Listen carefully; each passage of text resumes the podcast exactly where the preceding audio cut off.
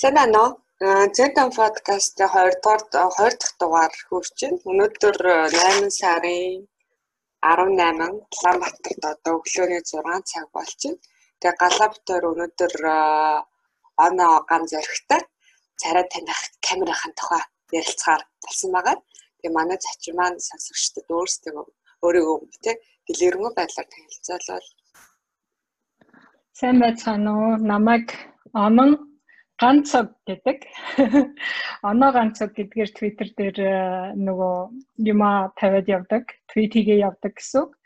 За би болохоор компьютерийн инженерээр анх бакалавра төгссөн.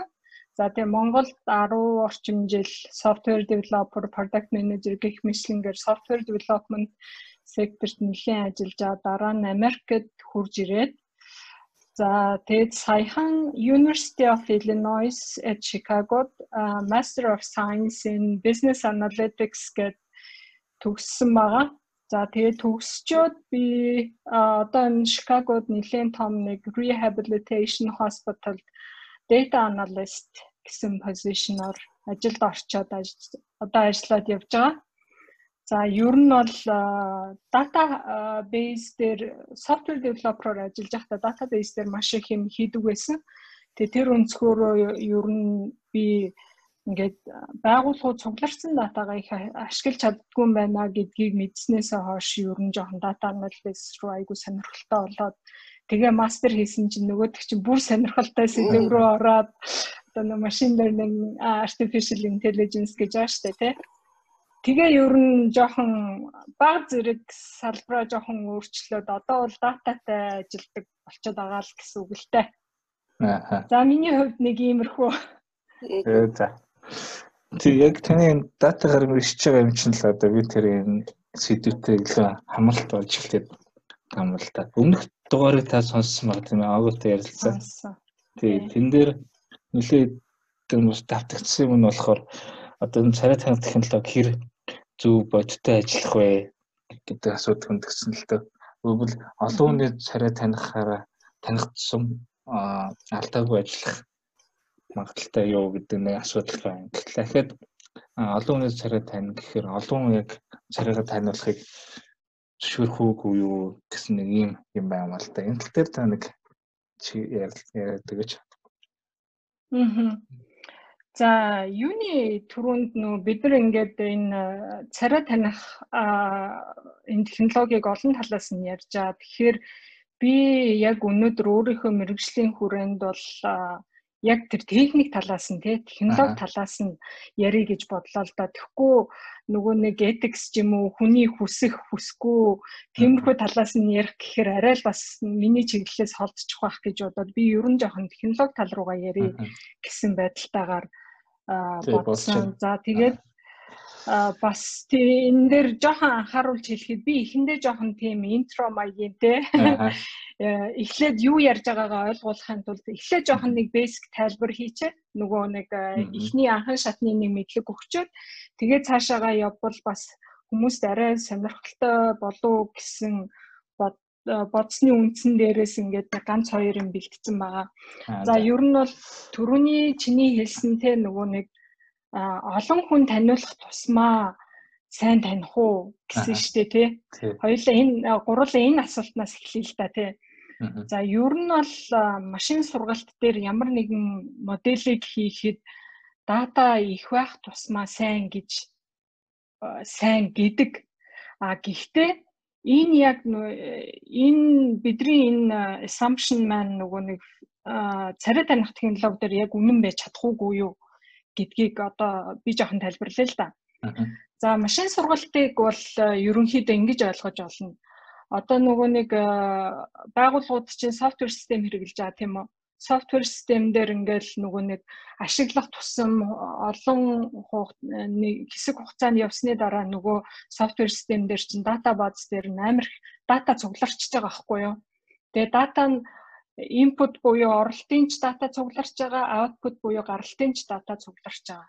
За тэгээд ингээд цуглархын хэрээр хүмүүс юу анзаарсан бэ гэхээр оо энэ датан дээр чинь статистикийн янз бүрийн аргууд ашиглаад нөгөө output-э таамагладаг бол гаралтаа таамаглаж болох юм биш үү гэж анханасаа машин learning-ийн машин сургалтын үндсэн тавигдсан байгаа аахгүй юу? За тэгэнгүүт яаж байгаа вэ гэхээр ийм оролттой үед ийм гаралттай гаралт гардгийн байна гэд баахан дата цуглуулчингууд нөгөө нэг статистикийн аргадаа нөгөө датагаа өгөөд тэгээд нөгөө ирээдүйн оролтон дээр гаралтаа таамаглах гэж таамаглаж байгаа. Ерөнхийдөө ерөнхий зарчим нь бол юм. За тэнгууд саяны энэ нөгөө нэг өнгөрсөн хугацааны оролт гаралтыг ингэж харгалзуулж байгаа энийг болохоор supervised learning буюу чиглүүлэхтэй сургалт гэж байна. За тэгэд яг энэний нэг жишээ нь л одоо нөгөө царай таних систем тий. За тэгээд цөмөрөө энгийнээс нь үзэх юм бол одоо жишээ нь бидний утсан дээр ингээд утас руугаа ингээ харахаар нүүр таниад нөгөө утас чинь нэгддэг дээ тий. Энэ бол нөгөө царай танихын хамгийн энгийн юу буюу хувилбар буюу одоо ингээд камерт орж ирсэн хүний эхлээд царайг нь тань энэ нэг царай байна гэж царайг таньлаа. Дараа нь царайгаа нөгөө утсан дээр байгаа нөгөө хүний чинь дүрс мөн үү буюу биш үү гэдгийг хооронд нь ингэж харьцуулаад таньж байгаа. Энэ бол хамгийн энгийн царай таних технологи. За тэгсэн чинь одоо бидний ярьж байгаа нөгөө царай таних технологич арай ондоо юм болоо очиж байгааз юу вэ гэхээр утсан дээр ганц хүний царайг таньж байгаа бол одоо нөгөө царай таних технологич нь хар мянган хүнээс нэгийг нь мөн байна гэж таних гээд байгаа шүү дээ тий. За тэгсэн чинь утасны царай таних технологи бол сайн ажиллана. Яагаад тэгэхээр тэр хүний чинь нөгөө анх за энэ хүний утас шүү гэж танилцуулахдаа яадаг вэ гэхээр ингээд нүрээ тойруулаад эргэн тойрноор ингээд олон өнцгөөс нөгөө хүний зургийг аваад тэгээд утсандаа хадгалаад тэр чинь ганц хүний за нэг 10 хэдэн талаас нь за боли бүр 20 хэдэн талаас нь авсан зургийг л ингээл хадгалчихж байгаа. Тэгэл ямар ч зураг орж ирсэн ганцхан тэрнтэйг л харьцуулна тий. Аа. За тэгсэн чинь одоо нөгөө эний чинь ингээд олон хүн таних дээр ингээд скейл хийе л та. Скейл хийх юм бол бид нар яг ингээд царай таних систем дээр ингээд нэг хүний ингээд 10 талаас нь авсан зураг хадгалж чадах уу те. За тэгснээ нөгөөдөг чинь ингээд 10 хүн биш. 10 мянган хүн биш те. 100 мянга хамгийн багадаа 100 мянга За тэгээ сая хүний ийм олон зургийг хадгалаад тэнгүүтээ нэг хүний ийм зураг орж ирэнгүүт нөгөөдхий чинь нэгийн мөн байна гэж таних хэрэгтэй болчихж байгаа байхгүй. За тэнгүүт одоо нөгөө дата их байх тусмаа сайн ажиллах уу гэдэг асуулт руу одоо л хурж ирж байгаа. Нөгөө хурж ирэхдээ яаж хурж ирж байгаа гэхээр түрүүн нөгөө нэг нэг хүний 10 зураг байх юм бол эн чинь нэг хүний зураг 10 байна гэдэг чинь дата боломжийн хэмжээний их байна гэсэн үг. Тэгээд сайн таних нь бол сайн. За гэхдээ 100 мянган хүний ганцхан зураг бол хангалттай дата биш болж таарж байгааз. Тийм байна. Ягаад тэгэхээр чи тэр хоёр 100 мянган хүн дотроос нэг л хүнийг таних гэдэг байгаа шүү дээ.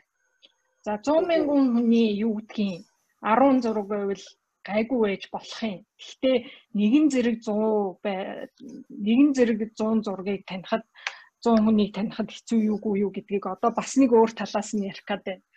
Төрөний supervised learning гэдэг нь а нөгөө нэг оролтыг гаралтай нь холбогддог гэсэн. За тэгэнгүүт оролтыг гаралтай холбогддог энэ supervised learning дотроо дахиад хоёр хуваагдчихдаг.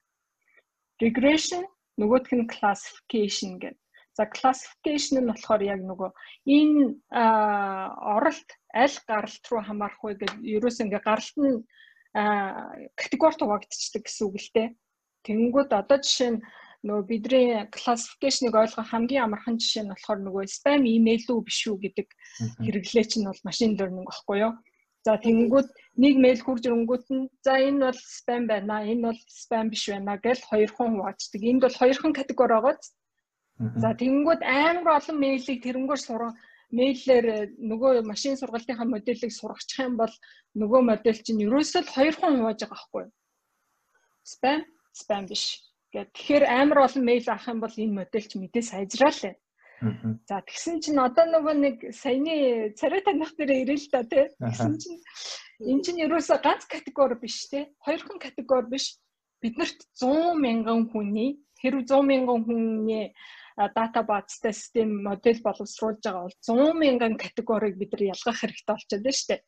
Тэнгүүд түрүүн юу гэдгийг 10 мянган имэйлийг спам спам биш гэд ялгцсан моделийн хувьд бол дата их байх тусмаа сайн байсан бол яг ижилхэн 10 мянган хүний зургаар аль эсвэл 100 мянган хүний зургаар 100 мянган категориг ялгах нь бас хэр юу вэ? Сайн бай тээ. За тэгснээр одоо спам спам бишийн хувьд категори энэ хоёр категори чи хоорондоо айгүй хол зайтай байж болно. Одоо юу гэдгийг математик аргаар ялгахад амар амархан.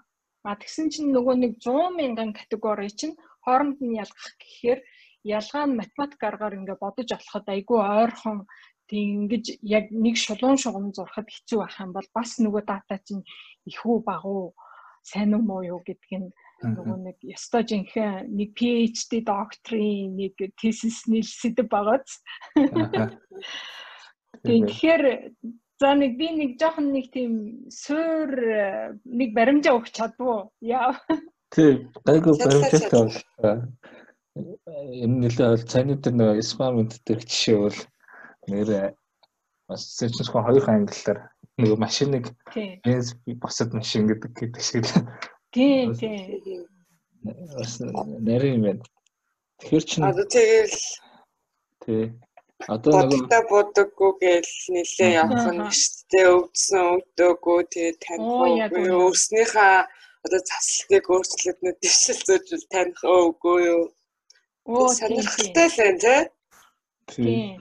Би бас нэг юм Аа түрүүний classification-ыг дахиад нэг ганц юм тодруулчих. Classification дээр бас нэг онцлог байдаг нь юу вэ гэхээр одоо machine learning модель маань classification дээр ялангуяа ажиллахдаа ингэж ажилладаг байхгүй юу?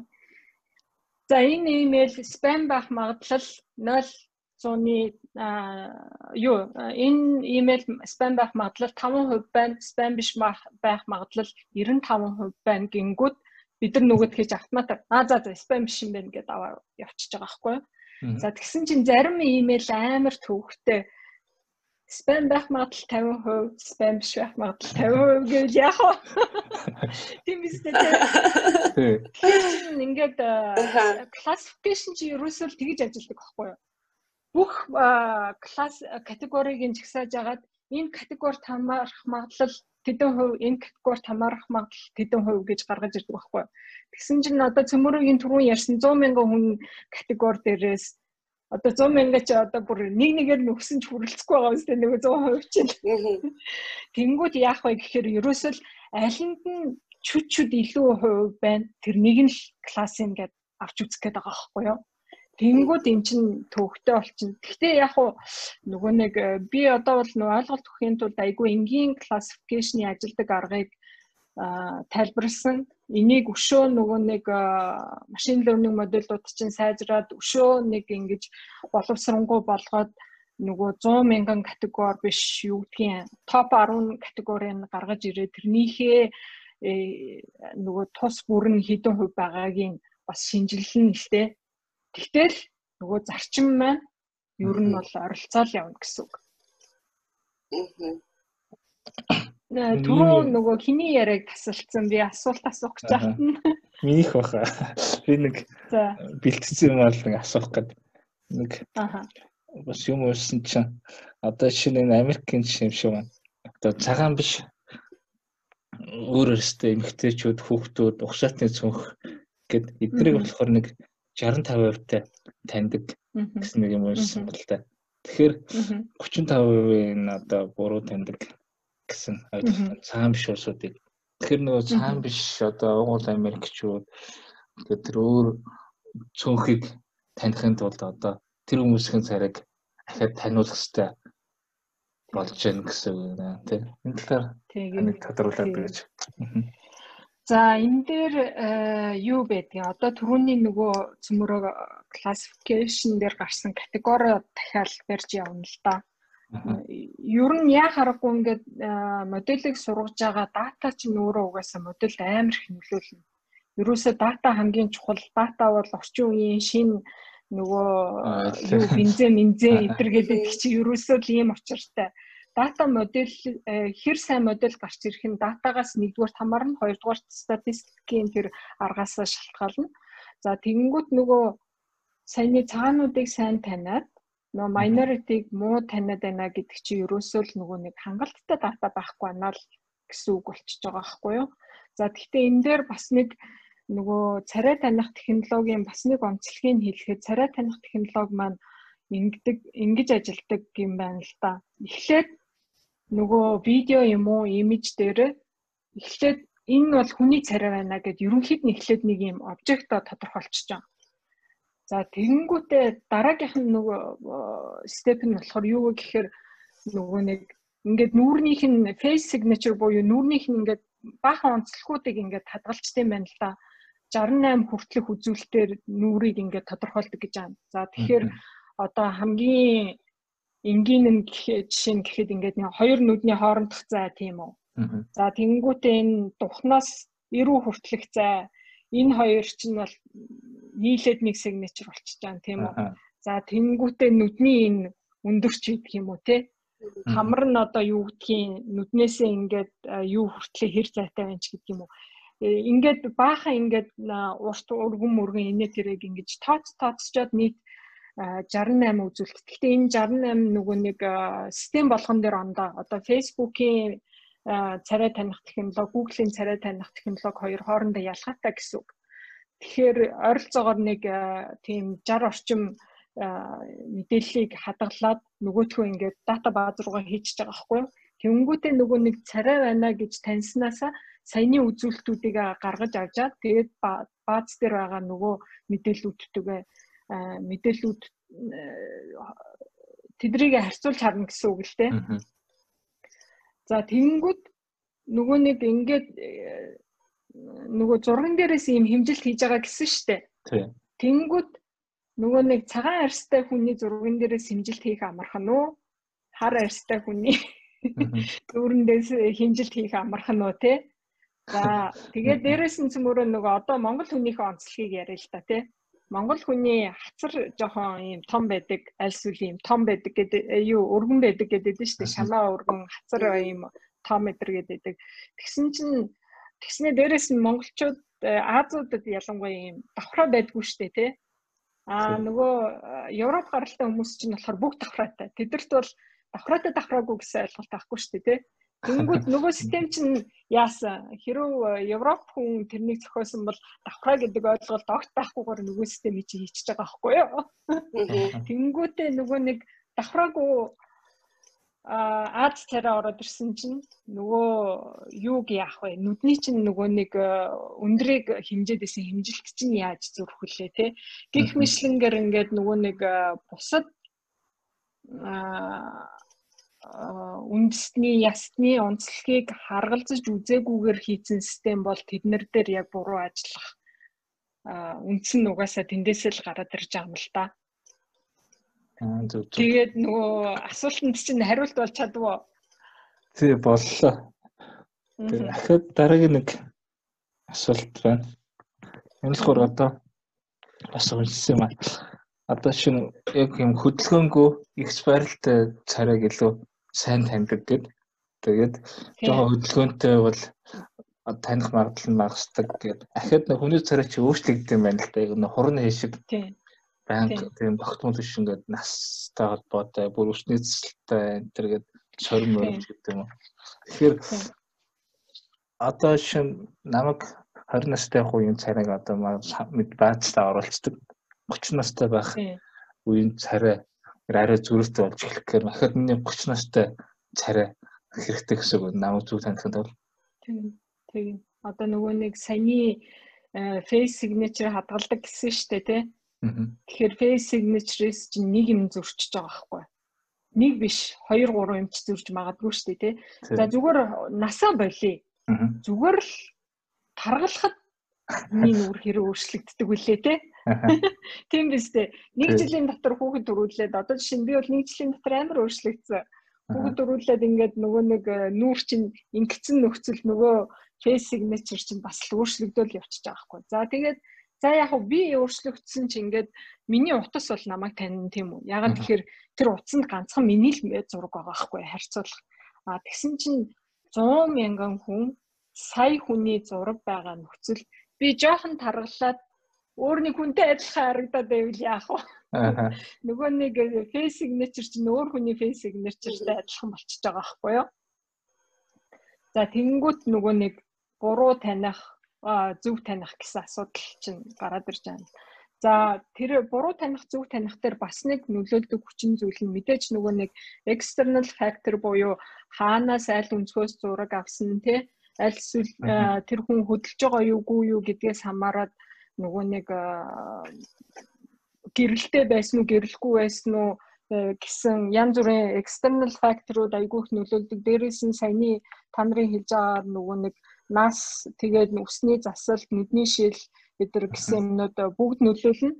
А тэгвэл түрүүний яг чиний нөгөө нэг ярьсан юу бас амар их нөгөө хэр сайн ажиллаж байгааг тодорхойлоход одоо зүгээр би ингээд утасныхаа өмнө зүгээр зогсоод ингээд өөрийгөө таниулах.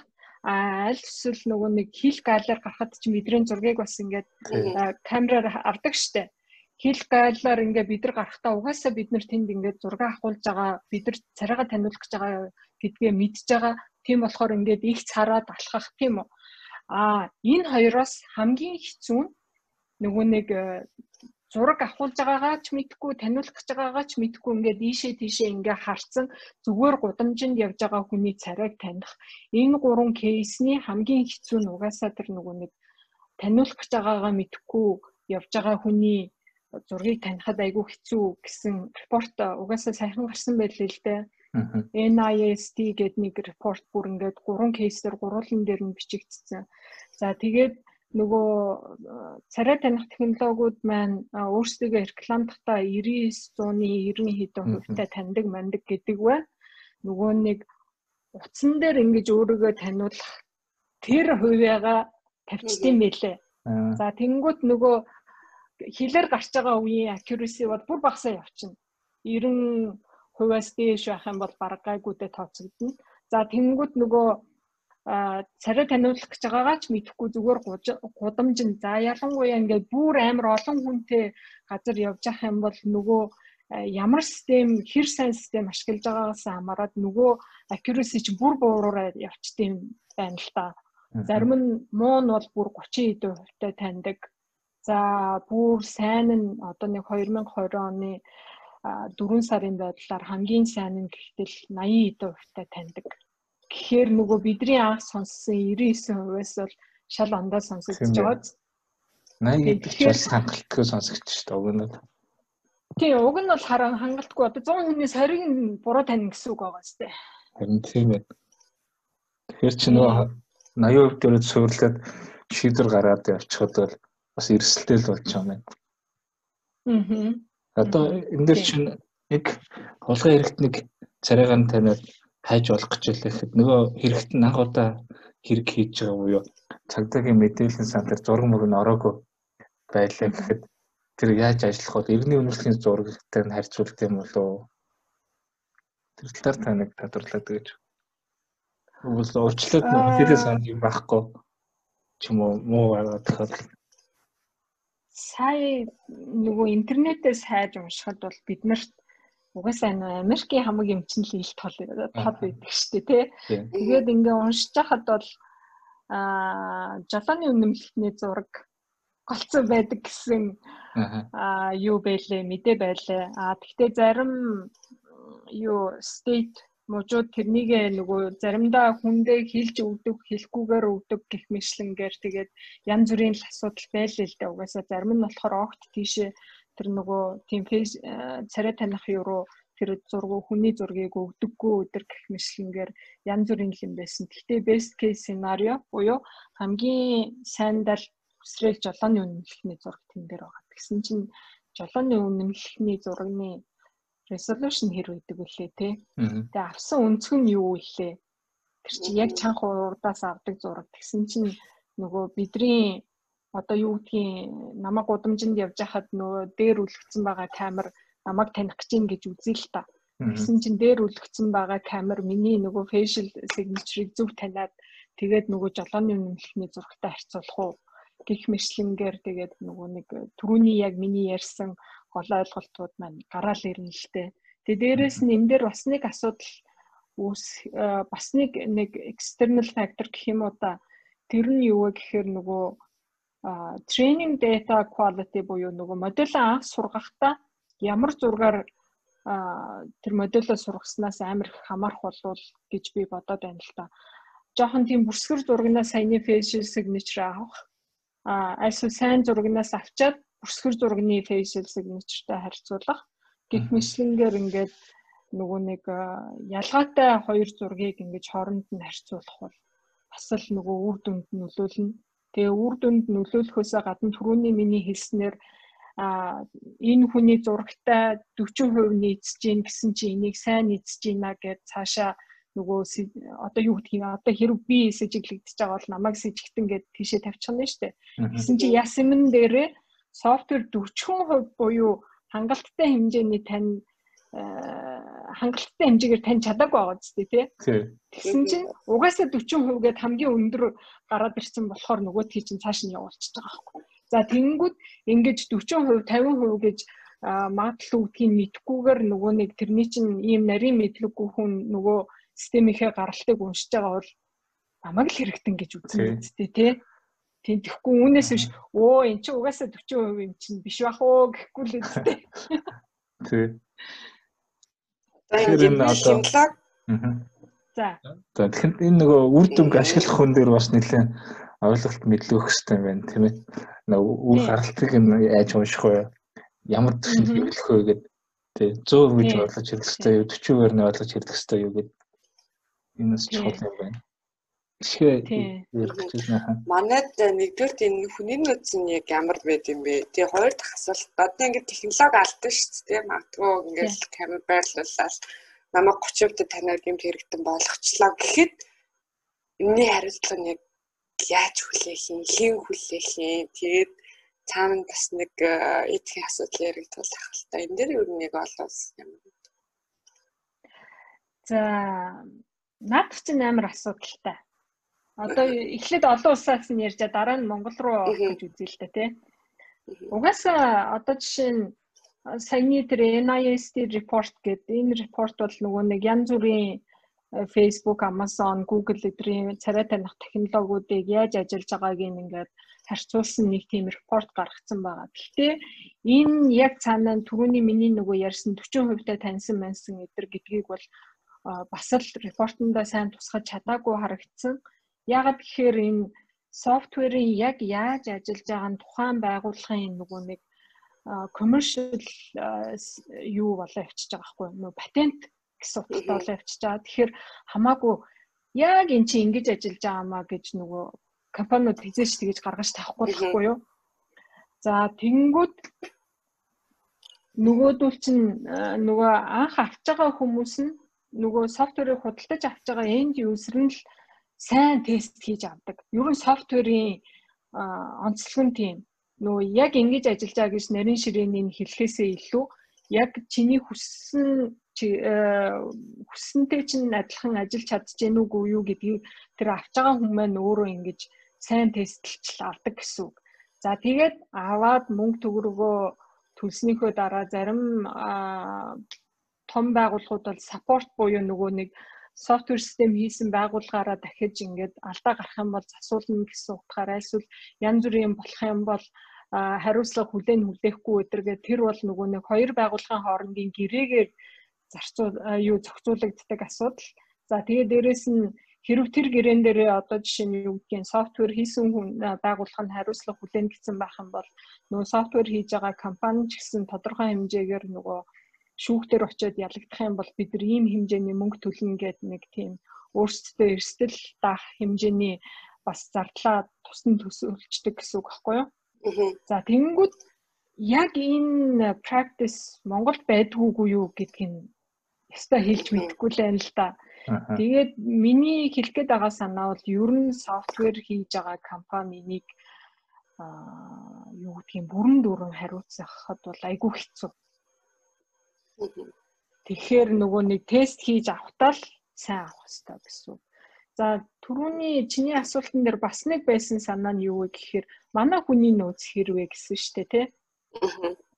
Би бол харьцангуй ингээд нөгөө нэг за би өөрөө яг эксперт биш энэ чиглэлээр яг юм хийгээгүй ч гэсэн ерөнхийдөө ингээд нөө GitHub дээр байдаг Монгол энэ чиглэлээр явж байгаа хүмүүсийн хийсэн үзүүлж байгаа ярьж байгаа асууж байгаа эдгээр байдлаас нь харахад бол манайхан энийг хийчихээр хүмүүс бол байгаа. Гэтэ хэр олныг нь бол мэдэхгүй байна.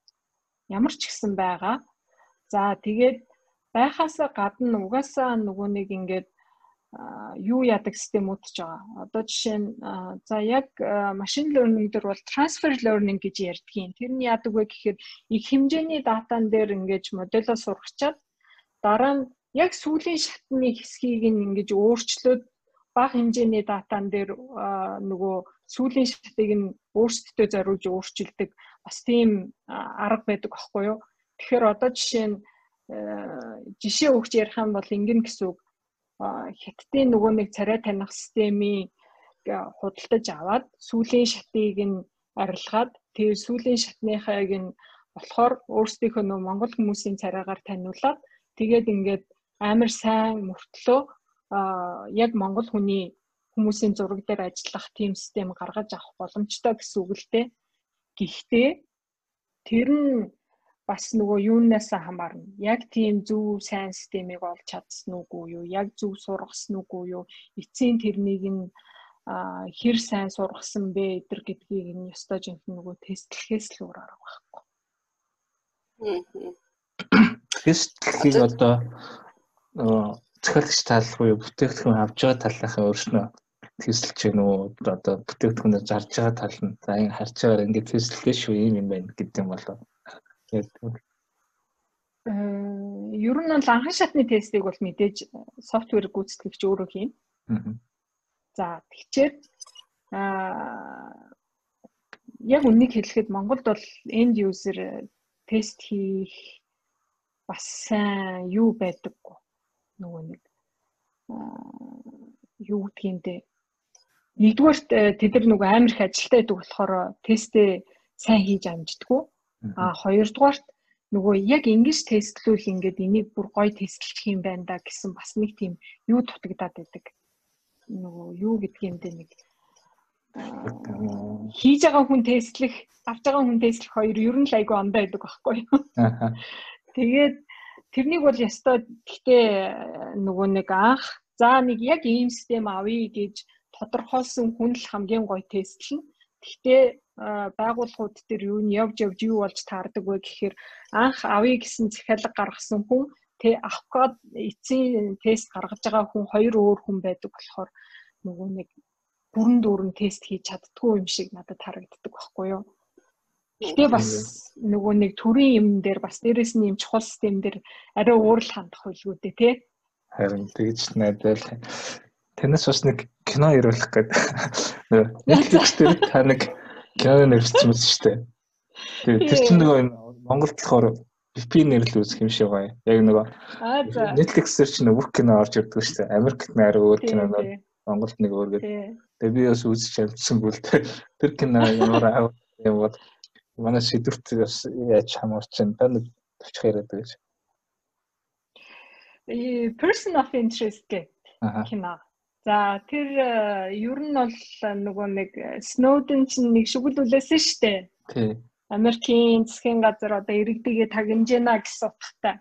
Яг тэр үеэр э, нэг э, гарч ирсэн болтой ер нь бол үйл явдал нь бол 2012 оны үеийн үйл явдлыг харуулдаг. Тэгэхээр нөгөө одоо энэ нөгөө царай таних технологи нэлээд popular болохоос өмнө гарсан гэсэн үг л дээ. А тэгвэл тэрэн дээр нэг анхны санаа нь бол ер нь киноны санаа нь бол ийм юм. Ингээд амар олон commercial болон private ингээд камернуудын энэ тэнд байгаа одоо дэлгүүрийн ч юм уу ATM-ийн ч юм уу энэ тэнд байгаа ингээд камернаас нөгөө хүмүүсийг хаана явж байгааг ингээд таниад байгаа тийм систем харуулдаг байхгүй. Тэгээд дээрэс нь тэр систем дээр юу нэмэгддэг вэ гэхээр нөгөө имэйлтэй имэйлийн контент юу бичигдсэн байгаа. Дээрээс нь утсаар хин хаашаа юу гэж ярьж байгаа тэр бүх мэдээллүүдийг нэгтгээд нөгөө artificial intelligence буюу нөгөө машин байна дүгнэлт гаргаад тэгээд дүгнэлт яг нөгөө засгийн газрынх нь хэрэгжилж байгаа систем нь болохоор за нэг ийм terrorist act явах гэдэг шүү гэж л дүгнэлт гаргадаг тийм юу баггүй систем баггүй юу А яг энэ системийг хийсэн хүн өөрөө болохоор а ямар юм хийцэн байсныгаа мэдсэн бэ гэхээр нөгөө систем нь байс гэж аавал ингээл нэг манахаар бол регистрийн дугаар шийддэг байхгүй юу. Ингээл жоохон байж байгаа л нэг регистрийн дугаар шийдчихдэг. Тэгээ ингээд регистрийн дуу эхний удаа тэр регистрийн дугаар шидэнгүүт нь гайхаад ингээд нөгөө хүн юун хүн юм бэ ингээд судлаад байсан чинь нэг бол аюулд орсон байгаа хүний регистрийн дугаарыг шийддэг. Одоо юу гэдгийг нэг хүн тэрнийг алах гэж байгаа ч юм уу те. А нэг бол хүн алах гэж байгаа хүний регистрийн дугаарыг шийддэг team систем болж таардаг байхгүй юу? А тэгээ тэрнийг нь гэхдээ нөгөө нэг терроризм биш олон хүний аюул амин занал хийлэг болохоор тэрнийг нөгөө нэг систем нь тоохгүйгээр ингээд шийдчихэл тэгэл тэрний цаашаа арга хэмжээ авахгүйгээр ингээд орхичдаг нөгөө засгийн газарт мэдээлдэхгүй тэнгууд нөгөө хүн чинь ингээд шанал чаналж байгаа. За би юу нэг ч гэсэн хүний амь аврал та гэд нөгөө байс хийж байгаа шийдсэн регистрийн дугаарыг ингээд судлаад хин юм бэ юу юм бэ энэ хүн амь нас нь аюулд өртөөд байгаа мó? Эсвэл өөр нэг хүний амь нас нь замл хийлээд байгаа мó гэдгийг л ингээл нөгөө эпизод болгоноор гаргадаг судалдаг. Дэвтгтэй маягийн юу? Цуврал. Гэхдээ тэрэнд тэндээс миний авч үлдсэн нь юу вэ гэхээр технологийн хувьд ялангуяа AI царай таних технологи гэдэр ингээд ийм хөгжсөн байгаа нөхцөл. Тэр кинон дэр гарч байгаа үйл явдал бол бүрст амар бодтой. Аа. Тэр хэрэгжиж болохоор юм шиг тийм юу санагдаад байгаа хгүй. Тэгэхээр бас амар ч юм шиг тий. Юу гэдгийг зүгээр миний ярьсан ганц хоёр утасны яриа тэгээд мэйлээр ингээд намайг нэг юм өртөх гээд байгааг сануулад аюул бас амар ч юм шиг. Тэр утгаараа бичсэн юм л та тэр person of interest гэж цувралыг Тэгэхээр нөгөө афет бас түрүү хаталт ордогдсон. Одоо үр дүнг хэн хүлээж авах вэ? Хэн ашиглах вэ гэдэг энэ бас нэлээд чухал юм шиг байна. Зөвхөн одоо хөлсгөл байгуулгах нь ашиглах хэрэгтэй юу? Дахиад тэд нар ашиглахтаа бас ямар зарчим хэм хэмжээ баримтлах вэ гэдэг энэ бас хөндөгдөх юм шиг байна л да. Тийм. Өөрөөр зан нэг юм IT-ийн нөхөр ингээд ганцхан шийдээд авах хэрэгтэй юу? Хамтарч багаар шийдэх хэрэгтэй юм гээд энэ дээр танд санаа оноо. Юу вэ? Аа сүүлийн үед одоо энэ нөгөө нэг deep learning айгуу хөгжөө deep learning гэдэг маань ер нь юу л да? Нөгөө нэг гүн сургалт буюу artificial хиймэл оюун болон машин сургалтын нэг дэд хэсэг гэж явдаг л да. Тэгээд одоохондоо бол нөгөө хиймэл оюуны ихэнх оролт амжилтууд дандаа тэр гүн сургалтаас гарч ирж байгаа deep learning-ээс гарч ирж байгаа. За тэгээ deep learning айгүй хөгжөөд ингээд янз бүрийн хэрэглээ гарч ирэх тусам Америкууд ялангуяа академик нөө профессорууд бид нар юунд санаа зовж байгаа вэ гэхээр ерөөсөө одоо ингээд энэ яг ингээд нэг буруу хэрэглээ тал руугаа айгүйх орох гээд байна. Тэгээд энэ дээрээс цөмөрөө яаж ингэж хамгаалах вэ? тэр гэсэн янз бүрийн food нөгөө судалгаа айгүй хийгдэж байгаа. Тэн дээрээс янз бүрийн зөвлөмжүүд ч их гарч байгаа. За тэгээ дээрээс нь нөгөө том том компаниуд Facebook, Google, Amazon эдэр ч гэсэн хоорондоо бас ингээд хэсэг хэсэг хүн нэг нэг хоёр хоёр хүн гараад тэд нар нэг комитет болоод тий ер нь энэ дээр AI дээр э, нөгөө ёс зүг яаж баримтлах вэ гэсэн юм айгүйх яригдчихаа. За тэгээд энэ угаасаа ганц хоёрын зэрэг тийм нэг э, буруу чим шиг хэрэглэнээс үүдэж үүдэж гарсан бас дээрэс нь яг саяны тэр царай таних дээр э, нөгөө нэг хууль хангалттай энийг сэргийлж чадах хууль гарч ирсэн үгүй юу гэдгээсээ ч ер нь бас үүдэж иймэрхүү өнөд айгүйх яригдах болсон. За тэгээд энэ болгоноос ер нь үзэхэд бол энэ хиймэл оюуны системийн гаралтыг бол хизээч яг абсолют үнэн гэж авч явахад айгүй очоод дутагдaltaй. Одоо жишээ нь бидний хувьд зүгээр яриад үзэхэд бидний бид нар бол спам имэйлээ гэл хийцэн л бол тийшээ бид нар бүгд цууч чардаггүй шүү дээ. Тий, итгэл явчих чаас. Яг тий, шууд үнэмшдэг. Тэгэхээр бид нар тэгэж үнэмшиж одоо ялангуяа иймэрхүү чухал систем дээр тэгэж үнэмшиж болохгүй. Тэнгүүд нөгөө яах ёстой вэ гэхээр одоо энэ саяны миний ярьсан NIST report дээр ч гэсэн байж ирсэн. Ер нь магадaltaй шүү гэд хоёр хүний мэдээлэл гаргаад өгсөн бол хүн тэрнийг нь давхар хэмж авах ёстой. Хамгийн ядаад тийм оролцоотой хамгийн багадаа тийм оролцоотой байх ёстой. За дээрэс нь өшөө илүү оролцоо хүний оролцоо байх юм бол мэдээж нөгөө систем чинь бүрэл сайн байна гэсэн үг. За тэгээд дээрэс нь нөгөө нэг яаж ашиглах вэ? Тэр нөгөө эцсийн хэрэглэгч маань яаж ашиглах вэ гэдэг чинь бас дахиад дээрэс нь хууль дүрмээрээ зохицуулагдчих хэрэгтэй тий. Хууль дүрмээр зохицуулсан байсан ч тэрний буруугаар ашиглах нөгөө болцоо хүн бас байж л байгаа шүү дээ тий. За зүгээр арга ядлаа гэхэд би нэг хүний дургуугийн хөдлөх зайлсууд мөнгөний аваад алга болсон байх юм бол нөгөө team system дээр accessтэй байгаа хүн шууд намайг за энэ оноог мөрдчих гэл тэгэл миний хаашаа явсныг мөрдөж болно нэстэй тий. Тэр чинь л өөрөө угаасаа хиснэн нөгөө нэг систем өөрөө хамгаалах гэж үзсэн ч гэсэн тодорхой хэмжээгээр гаралт нь байгаа л нөхцөлд тэр хүн ашиглаж болохоор л систем байгаа байхгүй юу.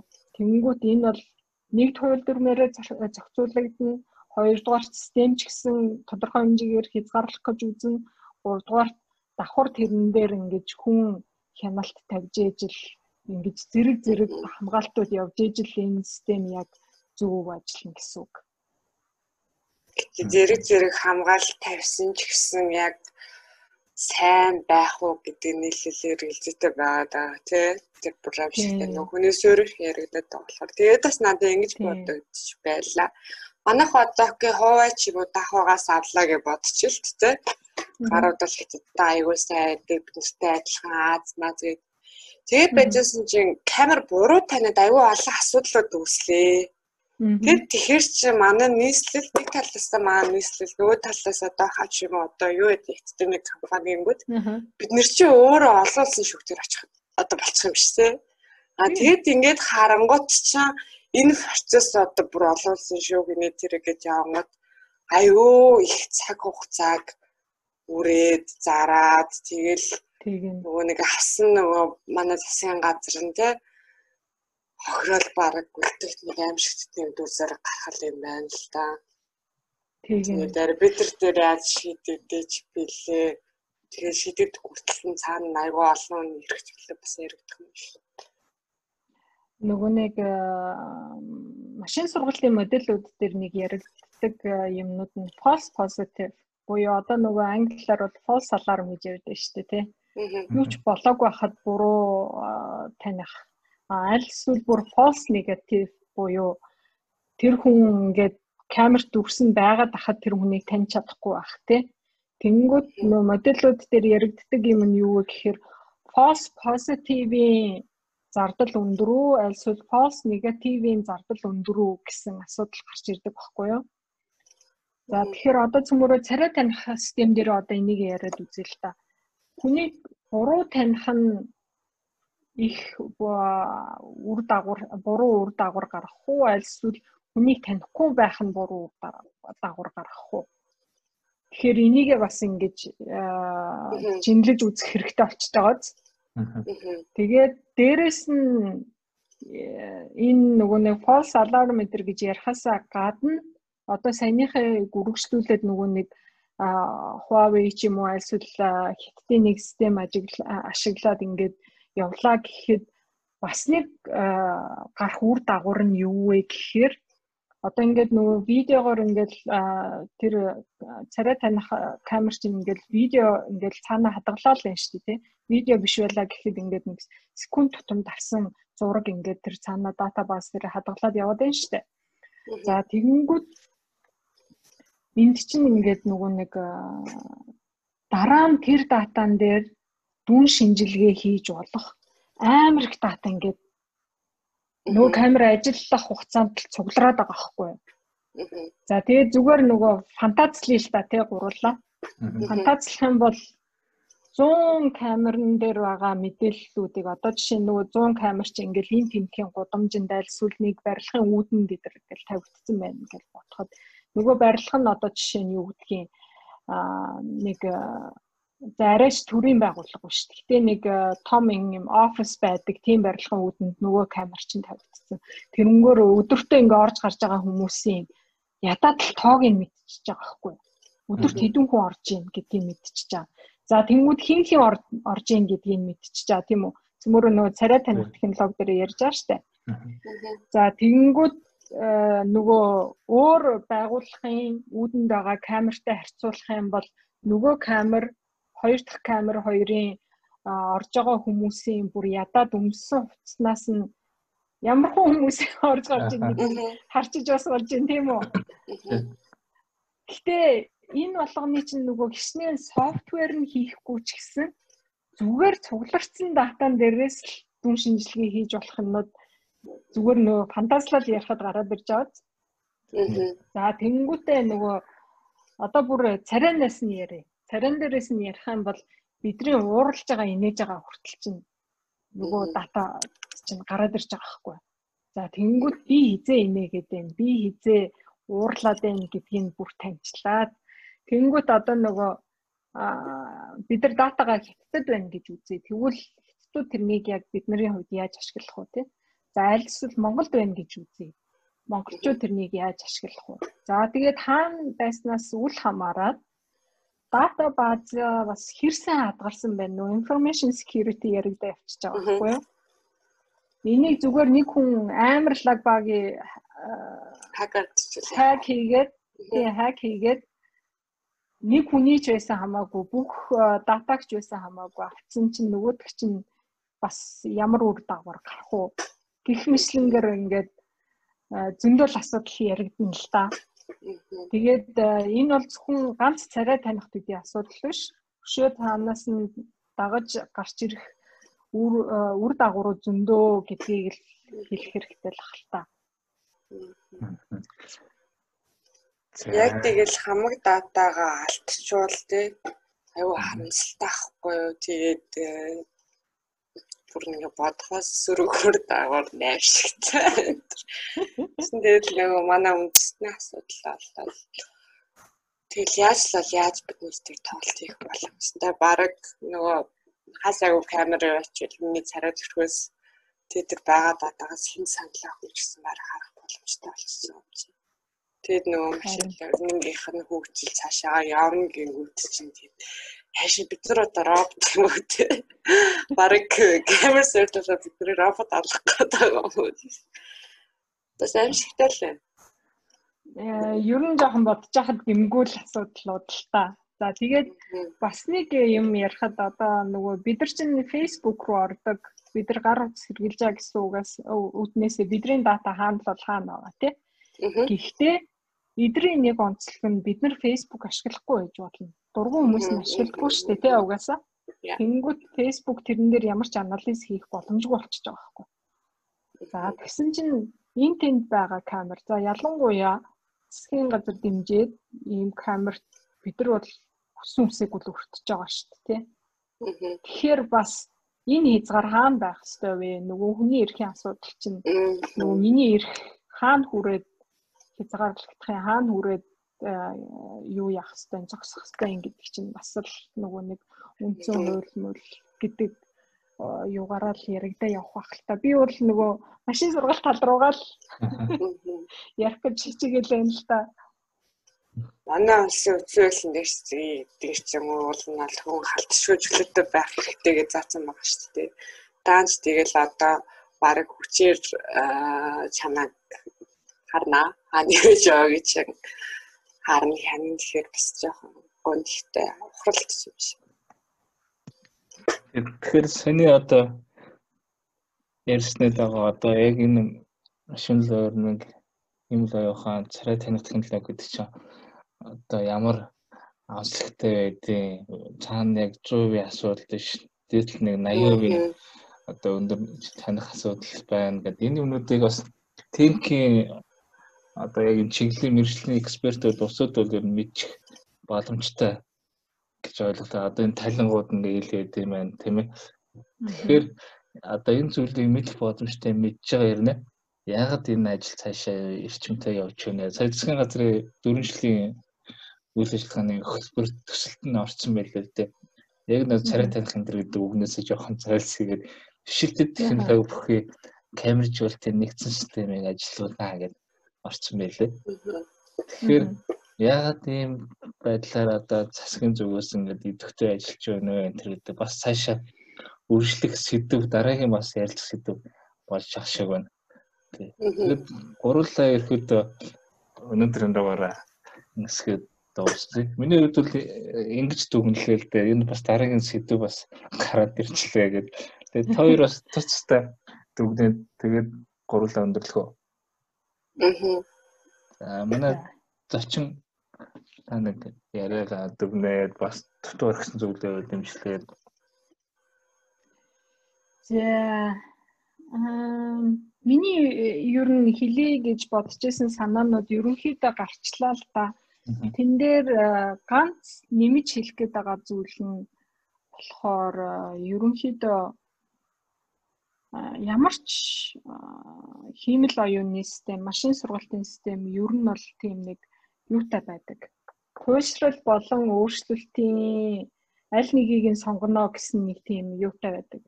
Одоо жишээ нь юу гэдгийг тэр хувирамтгай гэж орчуулах юм байна. Variance гэдгийг аа хэрв систем тогтвортой байлгая гэх юм бол нөгөө систем чинь жоохон тийм туйлшралтай дүгнэлт гаргадаг систем болчдөг байхгүй юу? А хэрвээ системээ туйлширдаггүй болгоё гэх юм бол жоохон тийм хувирамтгай нөгөө тогтмол биш нэг оролтон дээр 2 3 хариу гаргадаг ч гэдэг юм уу тийм болцдог байхгүй юу. Тэгэхээр энэ хоёрыг нөгөө ингэж тэнцвүүлэх гэдэг нь өөрөө угаасаа асуудалтай байдаг. За тэгээд машин сургалтын систем модель ийм онцлогтой байдаг. Дээрээс нь нөгөө түрүүн хэлсэн ямар дата вэ? Тим систем гарч ирдэг болохоор дата ч нүүр айгуу чухал. Тэнгүүт нөгөө одоо яг царай дээр бол нөгөө сайн зураг оруулах уу, муу зураг оруулах уу гэдэг чинь айгуу нөлөөлнө гэд түрүүн ярьсан шүү дээ, тэ. Тэгэхээр энэ хоёрыгоо юу нь мэддэг байх хэрэгтэй гэсэн үг. Нэгдүгээр машин сургалтын модель чинь өөрөө тийм жоохон аа асуудалтай биш шүү. Асуудалтай биш. Өөрөө угаасаа нэг тийм өөрийнх нь нэг тийм онцлог. Дээрээс нь датаных нь онцлог. За тэгэд энэ хоёрыг мэддэг байжээч нөгөө системээ зөв хэрэглэхгүй бол яг одоо бидний нөгөө спам спам биш гэдэг шиг сохроор ингэж итгэх аргагүй зөвлөлтэй. Аа. За хишгээ жишээлх дүгнэх юм.